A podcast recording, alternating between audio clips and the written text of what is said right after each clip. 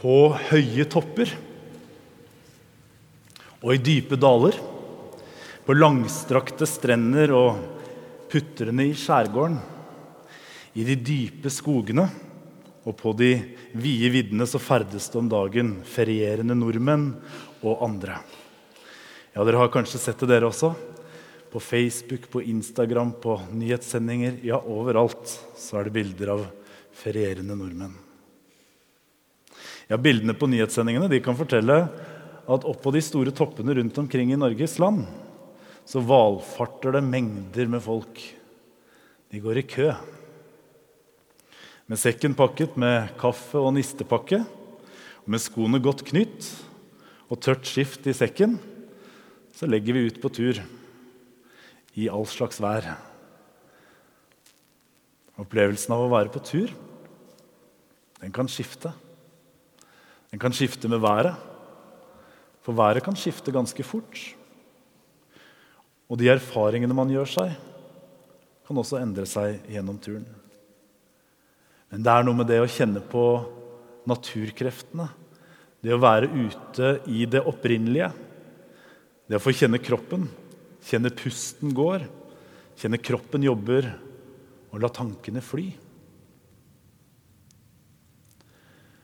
For en pilegrim så er det minst to mål. Det ene, det første målet for en pilegrim, det er å komme frem til helligdommen. Dit veien strekker seg, dit reisen ender. Det som ligger der foran og venter, det man skal strekke seg etter, det man skal lengte etter, ja, det man drømmer om. Det andre målet for en pilegrim, det er å være til stede i hvert eneste øyeblikk av turen. Være til stede i stillhet, i bevisstheten. Fornemme og være nær opplevelsene. Lytte til fuglesangen og kjenne gnagsårene i skoene. Være til, være til stede i livet. Det er en øvelse, begge deler. Å holde fast på det som ligger der fremme, det som ligger der og venter. Men samtidig ikke haste seg, men å være til stede og hvile i øyeblikket her og nå. I dagens prekentekst så beskriver Paulus en del av livsseien. Ja, han beskriver livsvandringen med utfordringer og motgang. Han dveler ved de erfaringene i livet som ryster oss i grunnvollen som ryster oss i grunnvollen av vår eksistens. Lidelsens og smertens mysterium. Nød, angst, forfølgelse, sult, nakenhet, fare eller sverd. Hva kan skille oss fra Guds kjærlighet? For Paulus eller for Saulus, som han het før han ble omvendt, så kan det hende at han refererer til de erfaringene han har påført mennesker. Rett og slett at det er en selverkjennelse han beskriver.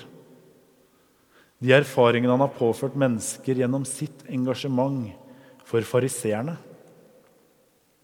Han forfulgte de kristne med stor iver, og han lot seg ikke stoppe. Han drepte, han fornedret, han skapte frykt. En gang mens han var på vei til Damaskus for å drive forfølgelser der, så ble han plutselig blindet av et plutselig syn. Han falt til jorden, og så hørte han en røst som sa til ham, 'Saul, Saul, hvorfor forfølger du meg?' Saulus sa, 'Hvem er du, Herre?' Stemmen svarte, 'Jeg er Jesus, han som du forfølger.' 'Men stå opp og gå inn i byen, så skal det bli deg sagt hva du har å gjøre.' Saulus hadde nok hørt ryktene om at Jesus hadde stått opp igjen fra de døde. For det var mange som fulgte han, og mange som kunne fortelle historier fra det. Men nå får han selv et møte med den oppstandende. Og dette møtet gjør han blind. Han er blind i flere dager, men kommer seg allikevel inn til, til Damaskus. Her møter han Ananias. Og Ananias presenterer seg for Saulus. Han sier, 'Jesus, som viste seg for deg på veien hit, han har sendt meg for at du skal få synet igjen og bli fylt av Den hellige ånd.' Straks så var det som om skjell falt ned fra øynene til Saulus, og han kunne se. Han sto opp og ble døpt. Så spiste han og kom til krefter, står det skrevet. Så får han navnet Paulus. I dette møtet møter, Gud, møter Paulus nåden. Nåde til å leve med historien sin. All den smerten og lidelsen han har påført andre. Han får nåde til å leve med historien sin og nåde til å leve videre. Ja, Paulus erfarer at nåden bærer og gir han styrke til å være fri. Hva kan skille oss fra Guds kjærlighet? Nød, angst, forfølgelse, sult, nakenhet, fare eller sverd? Vi kan sikkert legge til andre ting til vår liste med våre erfaringer fra våre liv.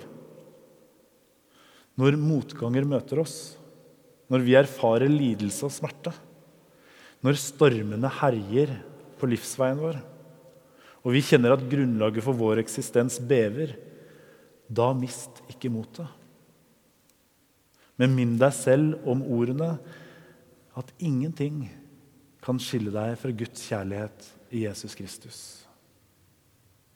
Det kan føles sånn, det kan erfares sånn, men løftet står fast.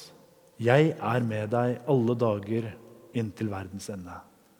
Jeg slipper deg ikke og svikter deg ikke. Det er noe underlig med de gamle fortellingene. De er skrevet for så lenge siden, men ikke avskrevet. Å være menneske utfordrer oss når livsveien blir bratt og krokete. Og når veien blir utmattende og krever mer av oss enn det vi kan klare. De gamle fortellingene kan minne oss om de som har gått foran. Og som selv, og selv om verden ser ganske annerledes ut i dag enn på Jesu tid, så kan det tenkes at vårt indre landskap ikke er så forandra. For vi har fortsatt behov for å bli sett. Vi har fortsatt behov for å bli hørt. Vi har behov for anerkjennelse, for trygghet, for å være elsket for den vi er. Vi trenger fellesskap og tilhørighet. Gjennom teksten i dag så blir vi minnet om at de erfaringene vi gjør oss i livet, ikke skiller oss fra Guds kjærlighet, men inviterer oss hjem, inviterer oss tilbake. Tilbake til fellesskapet med Gud. Kom, sa Jesus. Kom til meg og sett deg ned. Kom til meg med dine seier og nederlag. Kom med uroen og tvilen. Kom med livskampen din. Kom med takken din, drømmene dine, livet ditt. Kom og hvil deg litt. Spis litt og kom til krefter. Alt makter du i meg, som gjør deg sterk. For i svakhet fremmer Gud sitt verk. Ære være Faderen og Sønnen og Den hellige ånd, som var, er og være skal. En sann Gud fra evighet og til evighet. Amen.